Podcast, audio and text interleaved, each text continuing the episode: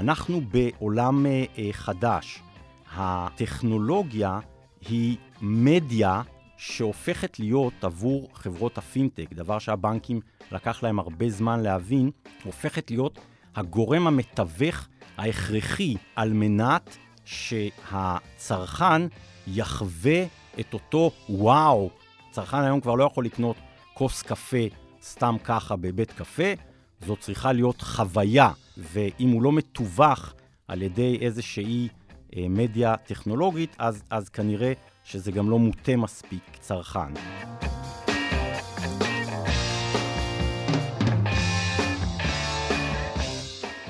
ברוכים הבאים למרקרים, פודקאסט סוף השבוע של דה מרקר. ההזדמנות שלכם לקחת פסק זמן ממחזור החדשות היומיומי ולצלול איתנו לאירועים, לאנשים ובעיקר לרעיונות מאחורי החדשות. כאן באופן איתכם גיא רולניק. והשבוע, לראשונה מאז שהתחלנו את הפודקאסט הזה לפני כשנתיים, אני נמצא כאן בגפי. רק אתם ואני. שמענו בפתיח את שרון חפץ, היסטוריון, בנקאי, יועץ אסטרטגי ומומחה לטכנולוגיה ופיננסים. מיד נבין איך הדברים האלה הולכים ביחד. כן, כבר אה, חודש חלף מאז הבחירות, והפודקאסט הזה ממשיך לראיין בעיקר היסטוריונים, כלכלנים, חוקרים, עם רעיונות נשגבים, ולא על מה שקורה בירושלים, לא על הממשלה המתגבשת. אולי זה לא מקרי, אפשר להגיד שאני בשלב האבל הראשון, אני מעכל. כידוע למאזינים, אני לא מאמין בעיתונאות כלכלית המנותקת מהפוליטיקה, הכל פוליטי, אין דבר כזה כלכלה בלי פוליטיקה, כלכלה ופוליטיקה הם באותו אה, עולם, ואני אכן מאוד מוטרד מתוצאות הבחירות האחרונות. למה?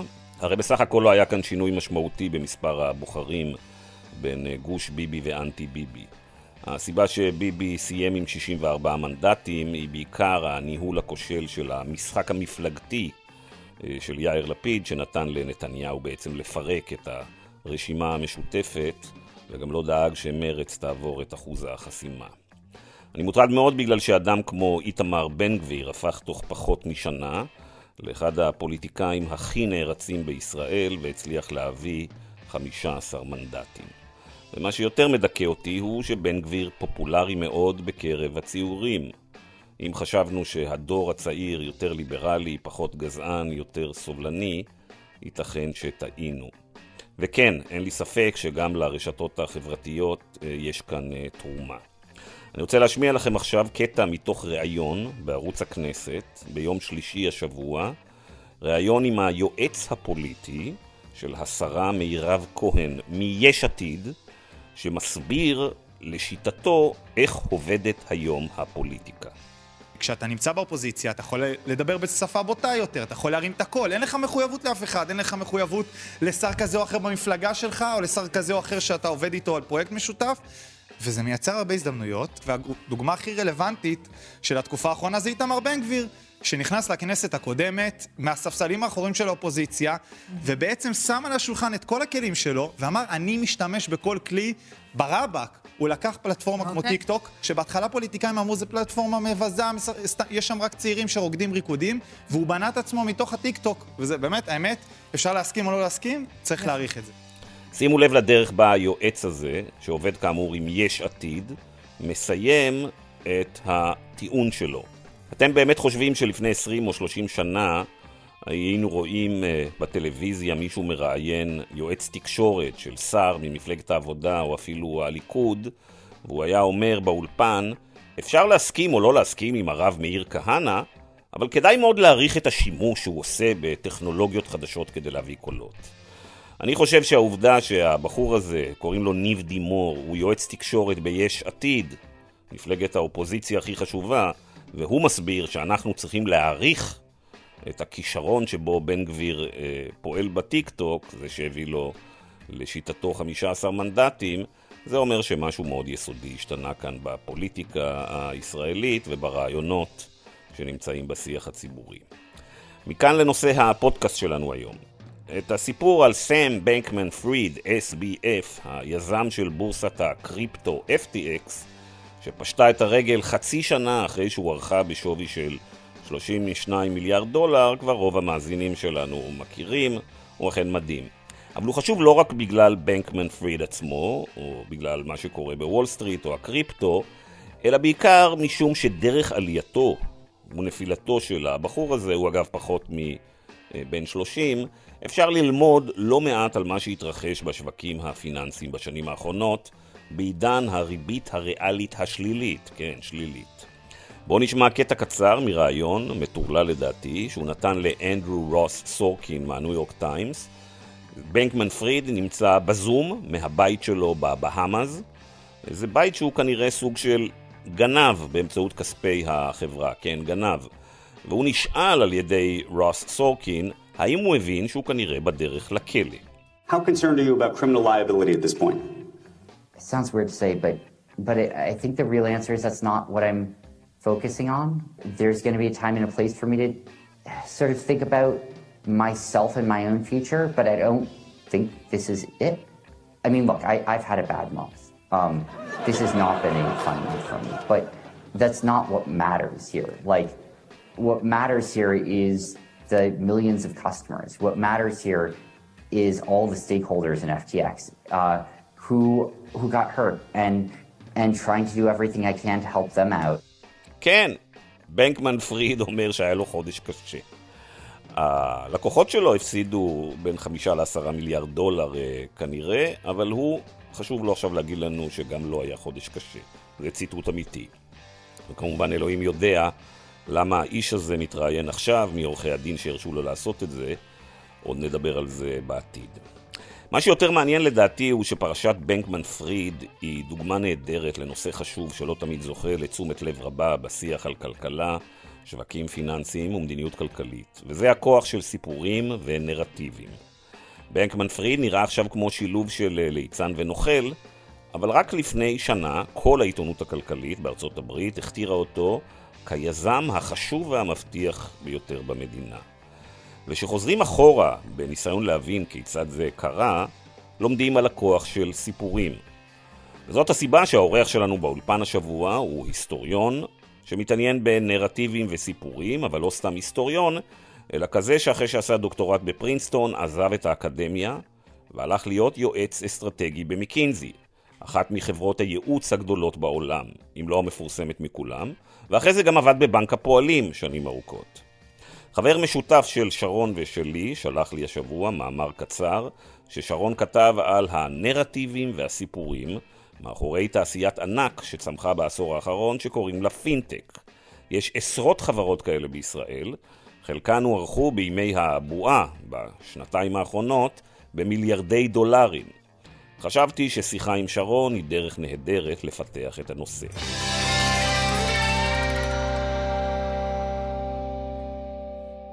שלום שרון. שלום גיא. שרון, בוא נתחיל דווקא מהסוף. אתה צופה יחד עם אה, כולנו בשבועיים שלושה האחרונים בקריסה המדהימה, המרשימה של אה, SBF, סאם בנקמן פריד, יחד עם בורסת הקריפטו שלו, FTX, משווי של 32 מיליארד דולר בגיוס הפרטי האחרון לשווי אפס, לפשיטת אה, רגל. כשבמקביל, בחודשים האחרונים, למעלה משני טריליון דולר נמחקים מהשווי של השוק המכונה קריפטו. ומה אתה אומר לעצמך תוך בשבועיים האלה? קודם כל, אני מתפעל כמו כולם מהכוכב השביט הזה שעבר פה והתפוצץ לאלפי חלקים לעיני כולנו המשתאות. כמובן, כשמסתכלים על ה... על הקריפטו, שתמיד היה אה, עסק, אה, אפשר לומר, אה, ספוקי במידה מסוימת, אז אין פליאה אדירה, אבל ככל שמתחילה חקירה לתוך מה שהבחור הזה וידידתו עשו שם, הדברים נראים עוד יותר מחרידים ממה, ש, ממה שהם. אנחנו לא יודעים אם היום, אם, עדיין אם זה היה ממש פונזי סקים פר אקסלנס, או איזושהי... uh, התחלה של uh, עסק שעליו נבנה פונזי סקים, אבל uh, ללא ספק זו התפוצצות מרשימה. כן, אז בוא נחזור עכשיו להתחלה. הטריגר לשיחה הזאת הוא מאמר שכתבת החודש על הנרטיבים כן. והסיפורים שסיפרו לנו כאן בעשור האחרון על מהפכת הפינטק, אותן חברות טכנולוגיות שצפויות לשבש לאתחל, לשנות את כל מה שהתרגלנו במשך 600 שנה לצפות מבנקאות ופיננסים. אז שרון, רוברט שילר, חתן פרס נובל לכלכלה, שאגב היה מהבודדים שצפו את ה... את משבר הדוט קום, את הקריסה של הדוט קום. וגם את הסאב פריים. וגם את הסאב פריים. אז הוא באמת בשנת 99 פרסם את הספר שלו, Rational Exuberance, והוא בעצם צפה את הקריסה של הדוט קום, אחר כן. כך באמת את הסאב פריים, ועל בסיס זה הוא גם פיתח את מדדים ש... אה, אה, למדידת המחירים אה, בשוק הנדל"ן. אז הוא פרסם לפני שלוש שנים, נדמה לי, ספר שקוראים לו Narrative Economics. ובו, בספר הזה, הוא מנסה להסביר עד כמה נרטיבים וסיפורים הם קריטיים להבנה של עולם העסקים והכלכלה. הם משפיעים דרמטית גם על התנהגות משקיעים, צרכנים ומנהלים, וגם על מדיניות כלכלית. ובמאמר שלך אתה מספר לנו על אה, נרטיב שהתפתח מאז המשבר הפיננסי של שנת 2008, זה נרטיב על עולם הפינטק. אז בוא נתחיל קודם כל, תסביר לנו, לתפיסתך, מה זה נרטיבים וסיפורים בעולם הכלכלי והעולם העסקי, ובכלל, מה תפקידם של נרטיבים והסיפורים אה, בהבנה ההיסטורית שלנו, של מה שקורה סביבנו. כנראה ש, שאנחנו כבני אדם אה, זקוקים לאיזשהו סיפור מארגן שעוזר לנו אה, להתמודד אה, ולהסתדר עם, ה, עם המציאות הדי מורכבת שסביבנו. כעת, הנרטיב, הסיפור המארגן הזה, אנחנו יכולים להתווכח אם הוא אה, בעצם איזושהי סימולקרה אה, שמחליפה לחלוטין את העולם של המציאות אה, והופכת להיות אה, אה, עבורנו תחליף למציאות סופר ריאלית, או שאנחנו יכולים להסתכל על זה באמת כאיזשהו חבל אמוני עבור בני אדם, שמשפיע מאוד על הפעולות שלהם, על המחשבות שלהם, וכמובן בכלכלה, זה מתרגם בסופו של דבר ל dollars and dimes, הפעולות של, ה, האנשים, והדברים הללו הם אף פעם ללא אג'נדה או ללא אה, קבוצה אה, מובילה שמטפחת את הסיפורים הללו, כי אה, הם אה, משרתים, אה, כמו תמיד, איזשהו עניין, ו, ועניין רציני מאוד, כן? אם אנחנו נצלול מכאן בעצם לנרטיב המרכזי של ה-financial markets, אז זה נרטיב ש, שעולה כבר משנות ה-80. זה הנרטיב של השווקים החופשיים, כן? ש, שאם אנחנו חושבים על, אה, על אה, מילטון פרידמן, ש, שאומר, אה, בכל ביקורת על השווקים החופשיים מסתתר גרעין אה, שמתנגד לחופש עצמו. זאת אומרת, הסילוגיזם הנפלא הזה ישר אה, שם אה, את השווקים החופשיים כמגני החופש האנושי עצמו. אה, כמובן שחופשיים הם לא, הם אמנם אה, אה, מנגנון אה, אה, מימון ותעדוף אה, לא רע בכלל, אבל אה, חופשיים הם לא, וגם הם מתנהלים אה, תוך אה, החלפת אינטרסים אה, אה, אה, כזו וכזו. אה, אבל הנרטיב הזה, שעולה אה, בחוזקה עצומה אה, בסוף שנות ה-70, שנות ה-80 הוא כבר מקבל אה, תמיכה פוליטית מאוד אה, חזקה, אה, מצטרף יחד עם, עם הניאו-ליברליזם, שהולך וקונה לו נפשות בעוד ועוד אה, אה, מדינות. זה הנרטיב המרכזי של, ה, אפשר לומר, ה-30 שנה, 40 שנה אה, האחרונות של העולם הפיננסי. ואם אנחנו שואלים את עצמנו, אמרתי שהדברים האלה בסוף אה, יורדים ל dollars and dimes, אנחנו יכולים להסתכל על האחוז ההכנסות אה, של האלפיון העליון לפני הדיל שהם עושים עם רוזוולט, זאת אומרת, סוף המאה ה-19, אה, הם מחזיקים אה, באחוזים עצומים, מעל 20 ומשהו, אה, של ההכנסות, שבארצות הברית אנחנו לוקחים את זה, לאחר המשבר הגדול של שנות ה-30 והדיל אה, שהממשלה, הכוחות העובדים ובעלי ההון עושים, הצ'ארט הזה מתחלף והכסף מתחיל לזרום אה, בעצם למעמדות אה, אה, נמוכים יותר.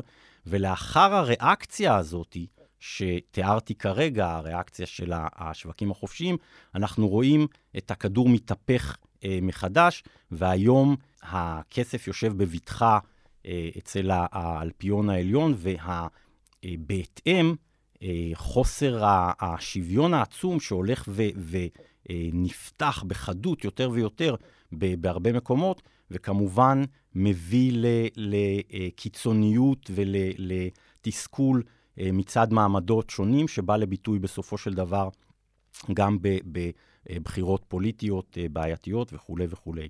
כך שלסיכום, הנרטיבים הם, הם מאוד אמיתיים, הן באופן שהם מארגנים את ההבנה שלנו את העולם, והן באופן שהם משפיעים עלינו בתוך העולם הזה. כן. אנחנו נחזור לעניין של האי-שוויון ולמהפכת הניאו-ליברליזם ומה שקורה איתה בשנים האחרונות, אבל אה, בואו נתמקד לרגע בפינטק. במאמר ש... שלך אתה מספר לנו על הנרטיב שהתפתח מאז המשבר הפיננסי של 2008 אה, על עולם הפינטק.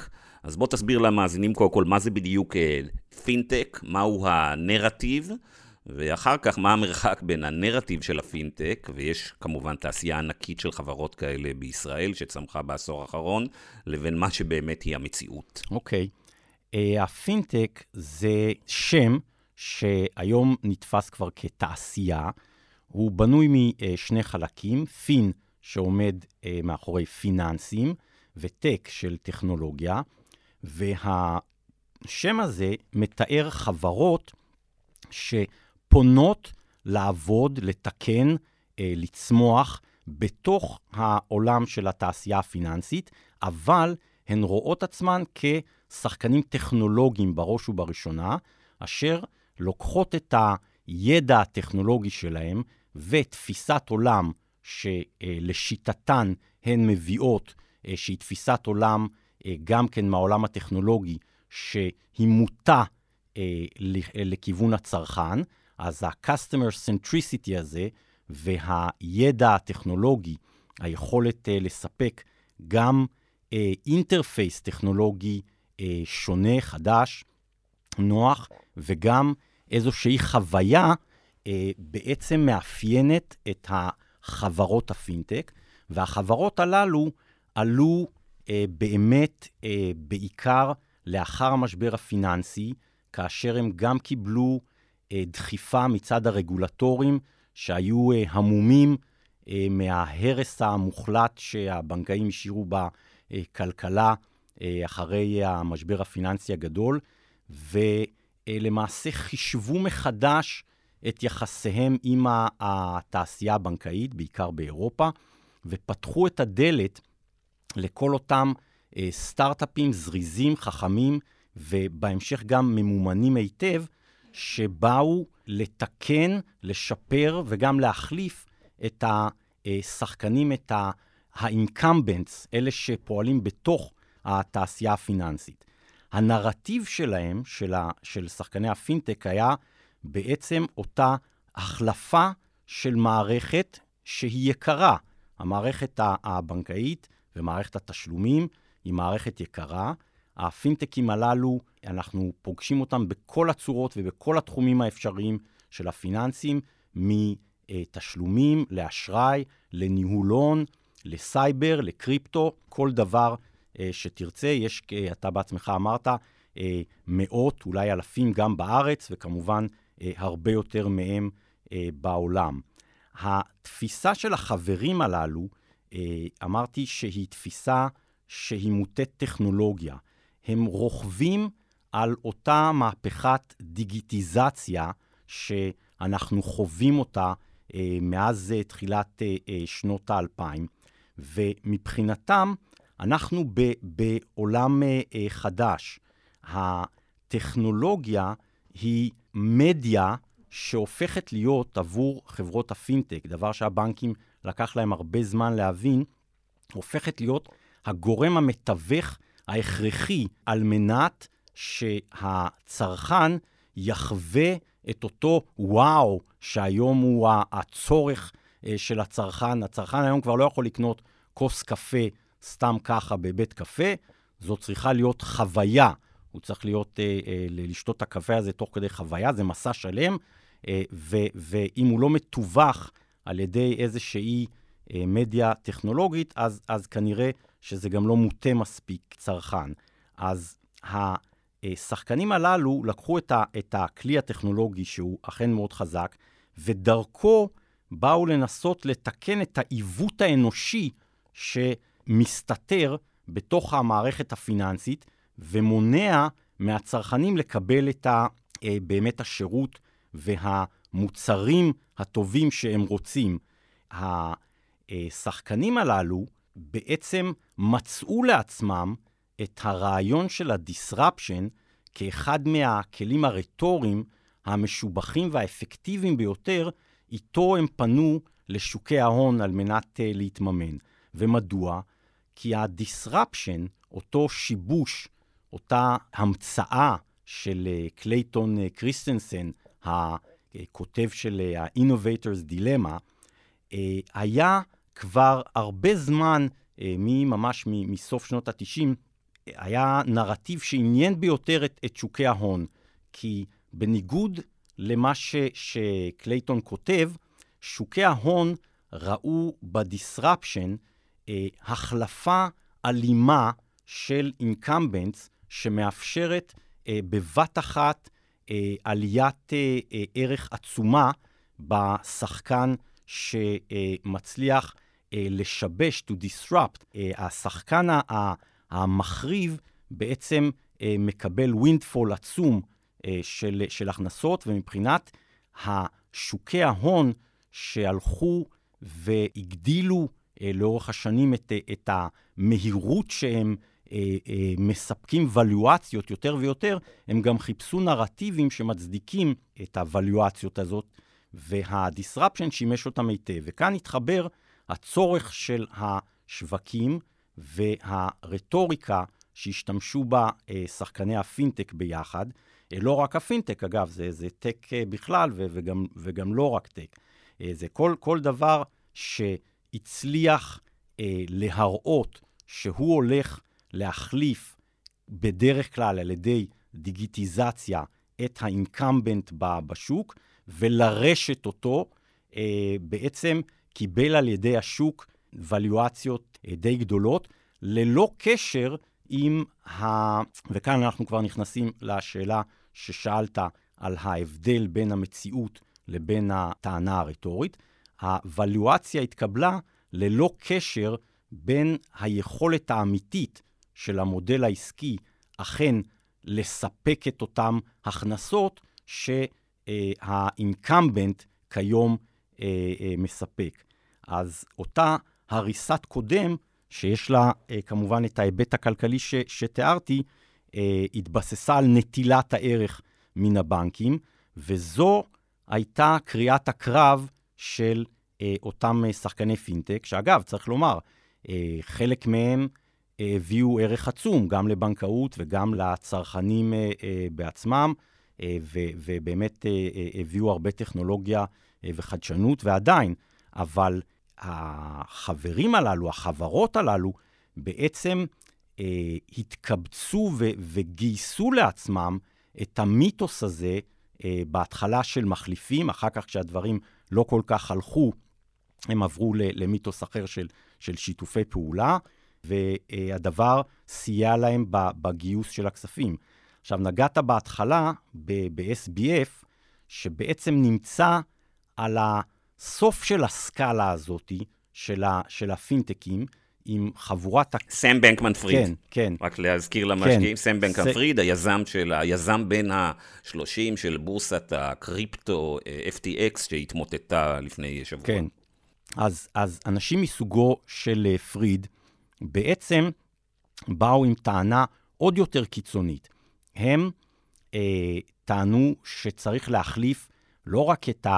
הבנקים היקרים שלא נותנים שירות טוב, אלא את המערכת הפיננסית כולה, והציעו בעצם אה, מערכת אה, אלטרנטיבית, שבכלל אה, אה, רלסים אה, אה, חדשים ושיטות חדשות, כמובן אה, אה, מבוזרות להעברת הכסף, וגם כן השתמשו באותם אה, אה, טיעונים של חוסר יעילות המערכת הקיימת. הם גם אה, העליבו אה, בלי חשבון את הרגולטורים עצמם.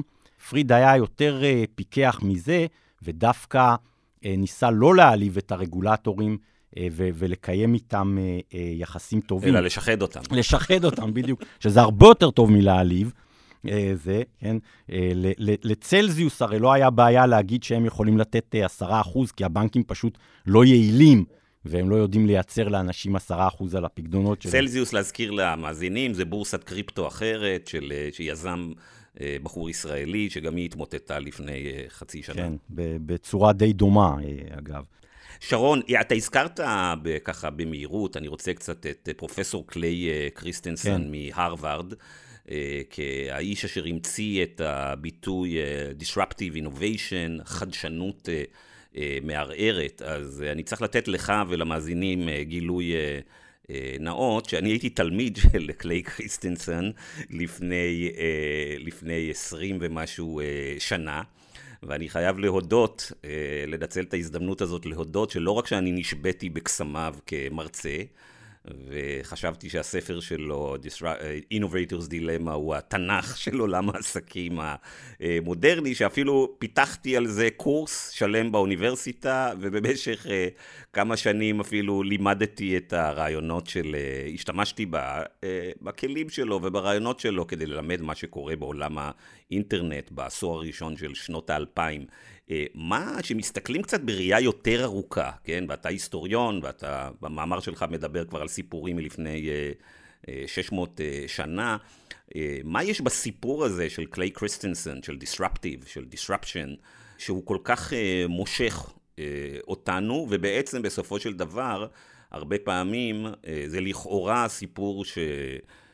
נותן, הסיפור על נתינת כוח, הסיפור על חדשנות, סיפור על טכנו-אוטופיה, סיפור על אתגור של אה, מה שקראת אינקמבנט של החברות הגדולות, אבל לפעמים משתמשים בסיפור הזה אה, אה, יזמים שמסיימים את, ה, את הסיבוב הזה בדיוק כמו שאלה שהם יצאו נגדם, אחרי שהם לקחו הרבה מאוד כסף מהציבור. כן, אז קודם כל, כמובן אתה לא היחיד שנשבע בקסמיו, והוא בשלב מסוים היה האיש המשפיע ביותר בעולם העסקי, על פי האקונומיסט ועוד רבים אחרים, והוא גם היה אגב, הוא היה אדם נחמד בצורה אה, קיצונית. גם נחמד וגם הוא חכם. מורמוני, נכון, מורמוני כזה. כן.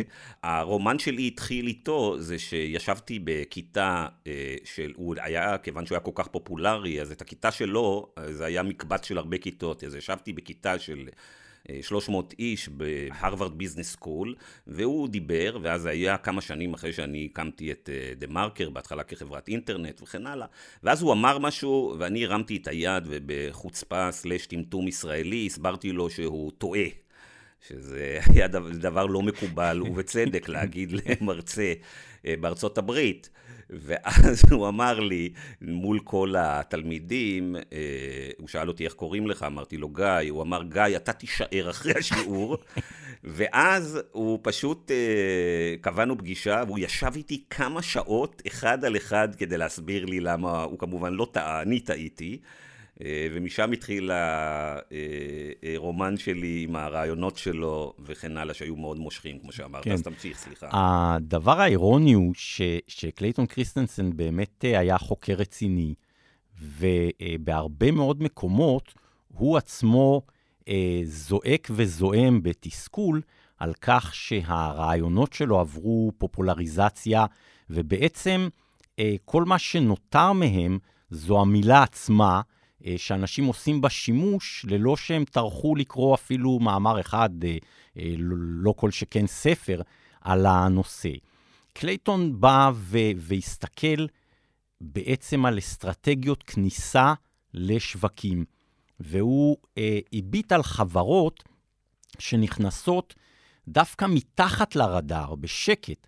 זה, זה אה, כניסה שהיא כניסה שקטה של חברות שמזהות לקוחות שאינן מקבלים את השירות האידיאלי או לא מקבלים שירות בכלל מצד השחקנים החזקים בתעשיות שונות, בגלל שלשחקנים החזקים, אה, מסיבות שונות, זה לא מספיק רווחי לטפל בהם, ואז החברות הללו שנכנסות לאותו שוק מתחילות לפתח באמת בזכות היכולות הטכנולוגיות, אבל בעיקר היכולות החדשניות של ההמצאה, הן מצליחות לפתח איזשהו אה, שירות או מוצר ללקוחות שדווקא אה, קשה להרוויח מהם, והן כן מצליחות בזה, וברגע שהן מצליחות בזה, הן מתחילות לטפס למעלה, upstream, אל אותה שכבת לקוחות שכבר כן רווחית עבור ה-incumbents, ולטענתו של, של קריסטנסן, ברגע שהשחקנים החדשים מצליחים אה, ל- ללכוד כמות גדולה של הלקוחות הטובים של ה-incumbents, בעצם אירע תהליך שיבוש שהוא מסוכן ביותר לשחקנים הקיימים, כי הם כרגע אה, לא יודעים כיצד לתת אה, ערך אה, גם ללקוחות הטובים שלהם וגם ללקוחות הפחות טובים, ואז נוצר סחף. אבל, כאמור, שחקני הפינטק פחות התעסקו ב fine-tuning של התיאוריה עצמה, ואתה שאלת מה משך אנשים בתיאוריה. אז קודם כל, מה שאני טוען במאמר, שמה שמושך אותם בעיקר היה אותה אלימות של הפועל הלטיני ש, שמתחבא מתחת למילה disruption, כמו גחלת אה, אה, לוהטת. האלימות הזו שבעצם מחליפה בכוח, ותוך כדי שהיא מחזיקה באצטלה של שינוי לטובה, של קדמה, של, של יצירת משהו חדש וטוב יותר, והאלימות הזאת היא כמובן, היא נושאת בחובה גם הצלחה כלכלית עצומה. והדינמיקה הזאת, ש, שמשכה מאוד את היזמים, שכמובן חלק מהם הם באמת אנשים מאוד חריפים, שרוצים לשנות דברים ורוצים להביא דברים חדשים, ראו בשיבוש אה, את הדרך שלהם אה, אה, לשנות את העולם ולתקן את העולם, ולכן גם כל הנרטיבים של הפינטק, קריפטו, what have you, הם כולם נרטיבים של תיקון עולם, כן? זאת אומרת, אם תפשפש בהם קצת לעומק, תגיע בסוף גם, גם אה, לאלוהים וכו' וכו', ו... אבל אה, אה, זה נרטיבים אה, של, של תיקון עולם, אה, ו- ושל החלפה לטובה, ולכן גם האלימות שבתוכם אה, מקבלת בעצם ריכוך, כי זה אלימות שבאה לטובה. שרון, אז יש כאן בסיפור הזה בעצם את הרכיב הכי קריטי בכל סיפור טוב, שאנחנו יודעים שהוא הקונפליקט. יש לנו גיבור, ויש לנו אויב ברור, ויש לנו את הקונפליקט. אבל כדאי לשים לב שהתיקון עולם הזה שאתה מדבר עליו בסיפורי הפינטק ובסיפורים אה, אחרים, הוא בעצם יש בו עוד מסר, והוא מסר קצת ניאו-ליברלי, כמו שאמרת. כלומר, אמונה אה, בשווקים החופשיים כמי שהם הם המנוע הגדול אה, של האנושות. Mm-hmm. והרעיון הוא שיש נניח בנקים גדולים אה, שגובים רנטות מונופוליסטיות מהציבור, שמביאים למשברים פיננסיים, שעושים דברים אה, שליליים, והדרך לתקן ולהביא לעולם טוב יותר זה לא באמצעות לקבוע כללי משחק ורגולציה ומוסדות דמוקרטיים, אלא הדרך לתקן את זה היא באמצעות השוק. השוק עצמו יתקן אותו. נכון. כלומר, היזם הוא הגיבור, היזם, הטכנולוג הוא הגיבור, והוא זה שיציל אותנו ממה שאתה קורא האינקמבנס, מהבנקאים המרושעים, ואין לנו בעצם צורך במעורבות של המוסדות הדמוקרטיים, אנחנו לא צריכים רשויות הגבלים עסקיים, אנחנו לא צריכים בנק מרכזי, אנחנו לא צריכים חוקים לסגור את פערי המידע בין הבנקים לבין הצרכנים, את כל כשלי השוק האלה שאנחנו חווים אותם יום-יום כלקוחות של בנקים, יפתור היזם של הפינטק. כלומר, זה סיפור שבעצם משרת בסופו של דבר את עולם העסקים. אני מסכים איתך, המאבק נשאר עדיין בתוך הנרטיב העל שדיברנו עליו בהתחלה, של השוק החופשי, אותו נרטיב ניאו-ליברלי. אה, אם אנחנו כבר מערבים את הרגולטורים, אז אנחנו מערבים אותם בדיוק באותה צורה של העבר, כדי שיחוקקו משהו לטובתנו. היזמים הפעם, ויפתחו לנו, זה לא משנה אם זה הדירקטיבה הזאתי או הדירקטיבה הזאתי, אבל היזם אה, הוא אה, בעצם דאוס אקס מכינה פה, שעולה אה, אה, אה, כדי לתקן את, ה- את העולם אה, שבעצם אה, הרכיב, כן?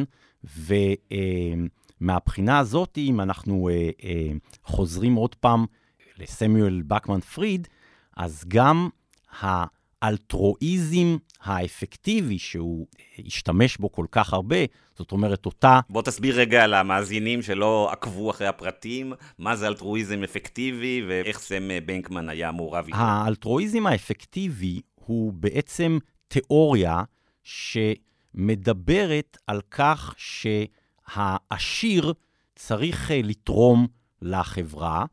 אה, הוא עושה את זה בצורה אלטרואיסטית, שוב, ללא שום אה, דרישה חוקית, רגולטורית או חברתית בכלל. הוא עושה את זה מתוך הרצון שלו. זאת אומרת, שוב, האלוהות מחליטה שהיא תורמת לחברה ובעצם ממשיכה את אותה תפיסת trickle-down theory, אותה תפיסת חלחול, שהכסף יבוא מלמעלה ויחלחל לתוך החברה, אבל אתה הזכרת את השווקים ואת ה, בעצם היכולת שלהם להיות הסולק המיומן ביותר של כסף בכל רגע ורגע, ולהחליט בצורה המדויקת ביותר לאן כסף צריך להגיע.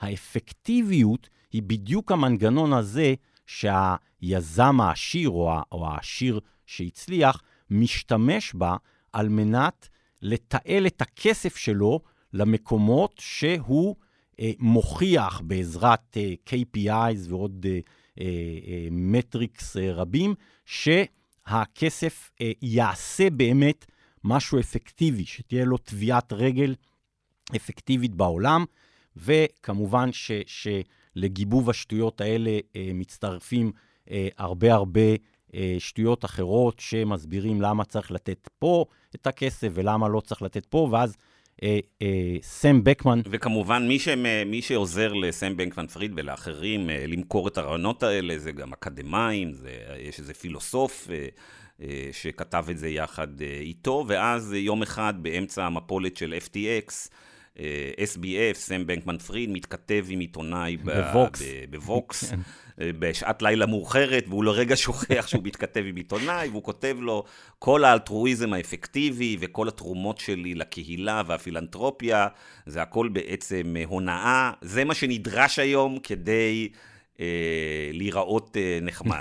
לגמרי. בעצם כדי לקנות גם את הרגולטורים. הבחור הזה הוא באמת, אה, הוא מפליא מבחינת המוכנות שלו לשים את הדברים כאילו באינטרנט בצורה כל כך ברורה, אבל זה, זה חוזר בדיוק ל, ל, לאותה דינמיקה שדיברנו עליה, הצורך בסופו של דבר להסביר למה אנחנו, מגיע לנו to disrupt אה, אה, someone else ולרשת אותו את כל הכסף הזה. שרון, לפני שנעבור לאילון מאסק ולרובין הוד, כשני מופעים הבולטים ביותר בשנה-שנתיים האחרונות, חוץ מסם בנקרנט פריד של הסיפורים והאגדות והנרטיבים והמציאות הפיננסית, יש לי שאלה אה, מאוד פשוטה. בימים אלה מתפרסמים הדוחות הכספיים של הבנקים בישראל, הרבעון השלישי של השנה. ואנחנו רואים אה, רווחיות שיא כמו שלא ראינו, אני חושב שב-20 השנים האחרונות היו אולי אה, שנה או שנתיים, מקסימום שלוש, שבהם ראינו רווחים כאלה, תשואה על ההון של 15 אחוז, של 18 אחוז. אה, וצריך לזכור שהבנקים בישראל לא מתעסקים בעסקים כאלה כמו שמתעסקים, אין להם קרנות גידור וכל מיני proprietary trading וכל מיני דברים כאלה, ויש להם רווחיות עצומה.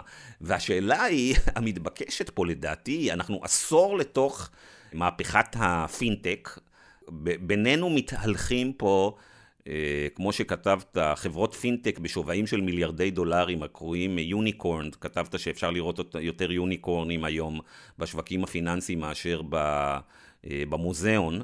ובכל זאת, היוניקורנים האלה, חברות הפינטק האלה, היו אמורות לנגוס ברווחי הבנקים, להרוג את הרנטות המונופוליסטיות שלהם, ובמקום זה אנחנו רואים שהבנקים אה, שלוקחים סיכונים יחסית נמוכים בהשוואה לפעילויות אה, אחרות, נמצאים ברווחיות מאוד אה, גבוהה. זה בעצם עוד מופע לפער האדיר בין מה שיכולים לעשות הפינטקים לבין המציאות?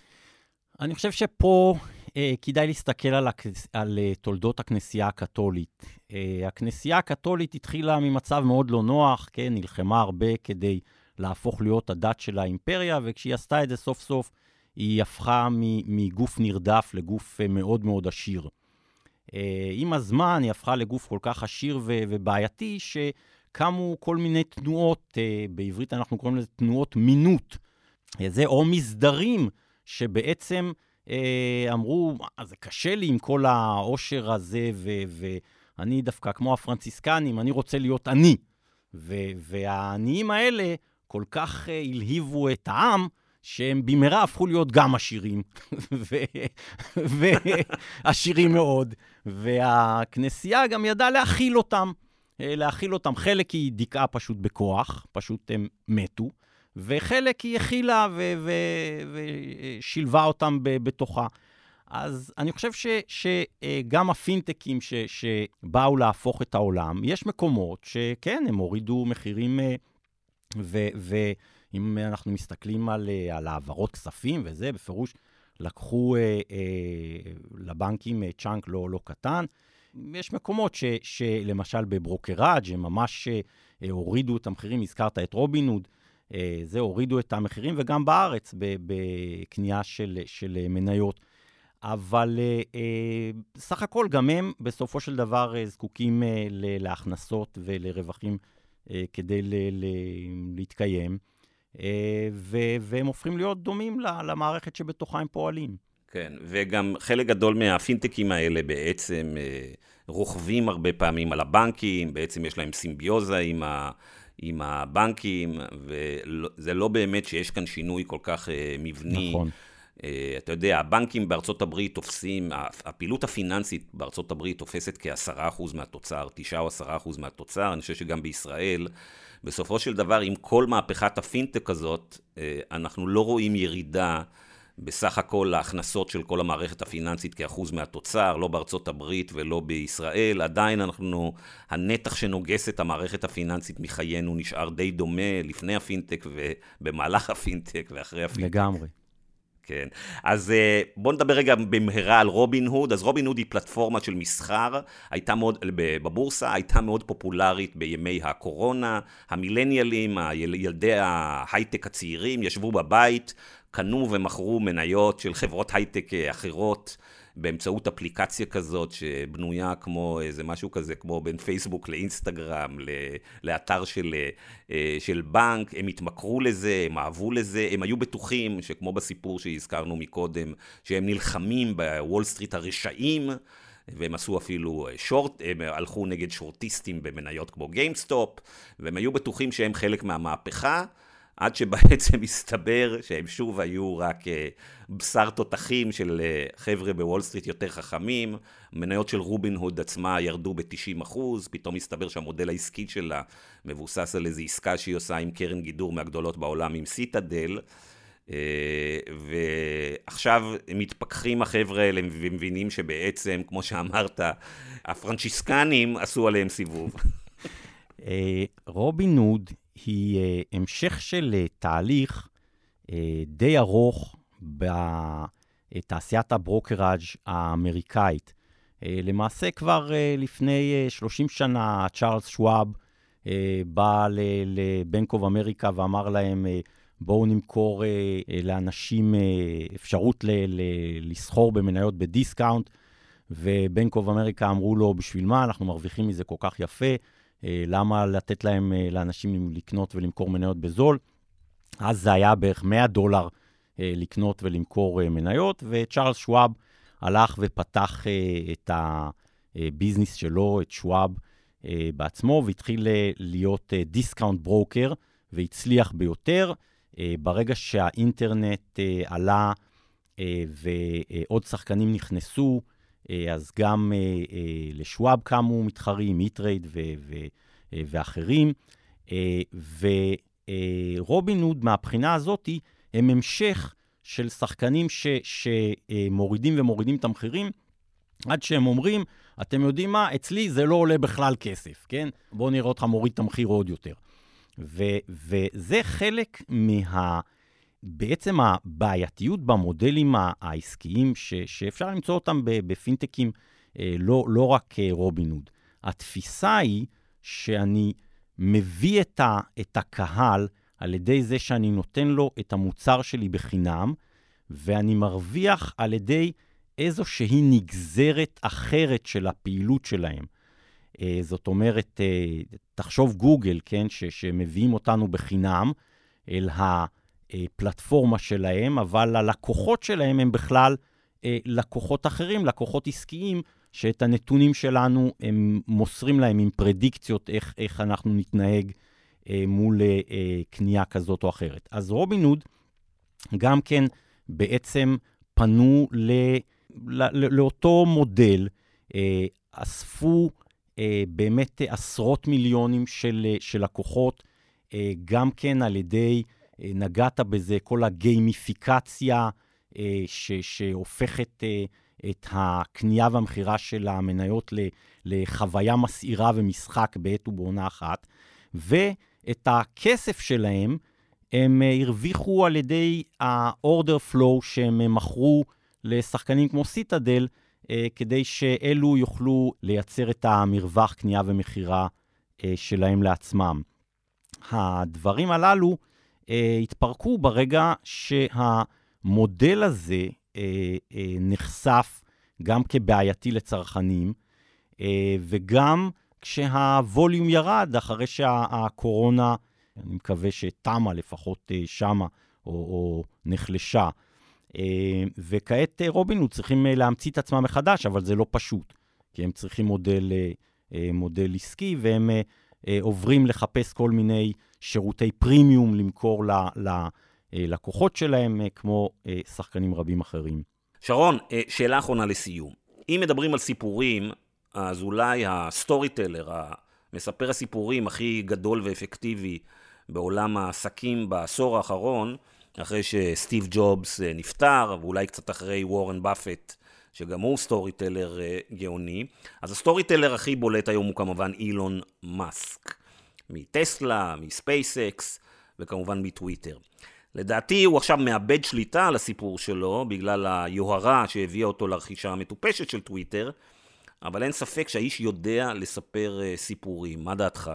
אה, אוקיי, לגבי אה, אילון מאסק, אני לא יכול לדבר, לפחות לא בחוכמה גדולה, על, על הנרטיב שלו, אבל אני כן יכול להגיד שאילון מאסק מייצג את המספר ה... ה אחד מהביליונרים, כמובן, של, של העולם, שנרטיב יסוד שהם עושים בו שימוש הוא ההוכחה אה, ניתנת על ידי ההצלחה שלהם. לא ניתן להתווכח עם ההצלחה של מאסק, אנחנו לא נכנסים עכשיו לשאלה של ה externalities, של מי, מי שילם על ההצלחה שלו, אבל ההצלחה היא כמובן הבסיס אה, עליו אה, הוא יושב. הוא אה, נוגע בזרמים של, של האתיקה הפרוטסטנטית של ובר, זאת אומרת, האדם שהוא עובד כל כך קשה ומקדיש את חייו לעשיית ההון, מקבל את אותה הוכחה בהצלחה שלו. וכמובן, כמו שכתב רוג'ר ז'ילני, פניו מועדות אל הכוכבים. הבן אדם אה, מספיק מגלומן על מנת ל- לחפש, בלי שיש לו איזשהו תפקיד אה, אה, ממשלתי, פוליטי אה, אה, אה, או כל תפקיד אחר, אה, הוא מחפש את הפתרונות אה, אה, עבור אה, אה, תושבי הכדור הזה ו- ומציע ליישב אותם אה, על כוכבים שונים ברחבי הגלקסיה. לכן, אנחנו גם רואים אותו אה, נכנס אה, באמת עד הצוואר לפוליטיקה. ההכרזה שלו, אה, הצביעו אה, רפובליקנים אה, לפני המיד טרם האמריקאים, אה, היא כמובן אה, אה, שימוש אה, אה, בולט ו, וכמעט אה, מטורף בכלי תקשורתי ענק שהוא אה, רכש לעצמו ב-44 מיליארד דולר, ועושה בו שימוש כעת במקום פוטין, אז הוא ממליץ לעם להצביע רפובליקנים.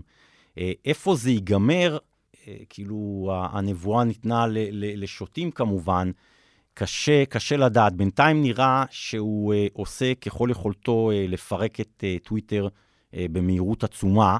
ו, ומאחר והוא איש uh, חכם ו, ויעיל, הוא אכן uh, מצליח ב, במשימה שלו, והוא כבר השמיד שם כנראה ערך, ערך עצום.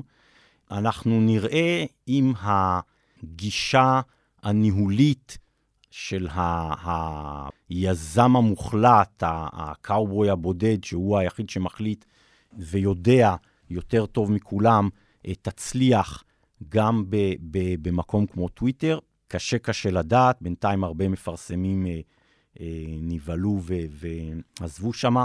אה, לגבי טסלה, גם כן, אין, אין לי דבר יותר מדי חכם להגיד אה, אה, אה, לאן זה ילך, אבל גם מדובר כמובן ברכיבה על אחד מהתהליכים הגדולים של, של חשמול ושל אנרגיה ירוקה. האם, האם זה בסוף יישאר הרכב ששווה באמת יותר מפורד ומרנו ביחד, קשה לדעת. תודה רבה שרון, מקווה שתשוב אלינו בעתיד עם אה, ניתוחים חדשים על נרטיבים של נוכלים, גאונים, בנקאים ושאר שודדים. תודה גיא על, ה- על ההזמנה לפודקאסט הזה, נהניתי מאוד.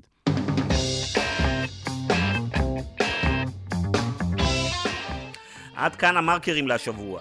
אה, לסיום, בקשה אה, ייחודית, אם כבר אני נמצא פה השבוע איתכם לבד.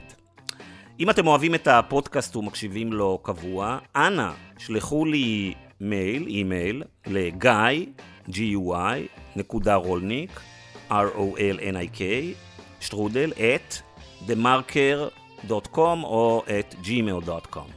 אפשר גם לשלוח לי הודעה בטוויטר. אני עדיין נמצא בטוויטר, עדיין לא התנתקתי, כנראה שאני עדיין מכור, אה, למרות שאילון כבר אה, עושה דברים שאני לא אוהב שם. בכל אופן, מפייסבוק כבר התנתקתי, אז טוויטר זה הדרך. וישלחו לי מייל ותגידו לי מה חסר לך, מה חסר לך, מה אתם אה, רוצים לשמוע יותר, מה פחות, ובעיקר מתי אני מעצבן אה, במיוחד. אז אנא, תעזרו לי, לדן ברומר, העורך האגדי. ולאמיר פקטור המפיק אה, להשתפר. ועד אז תודה שהאזנתם ולהתראות בשבוע הבא, כרגיל.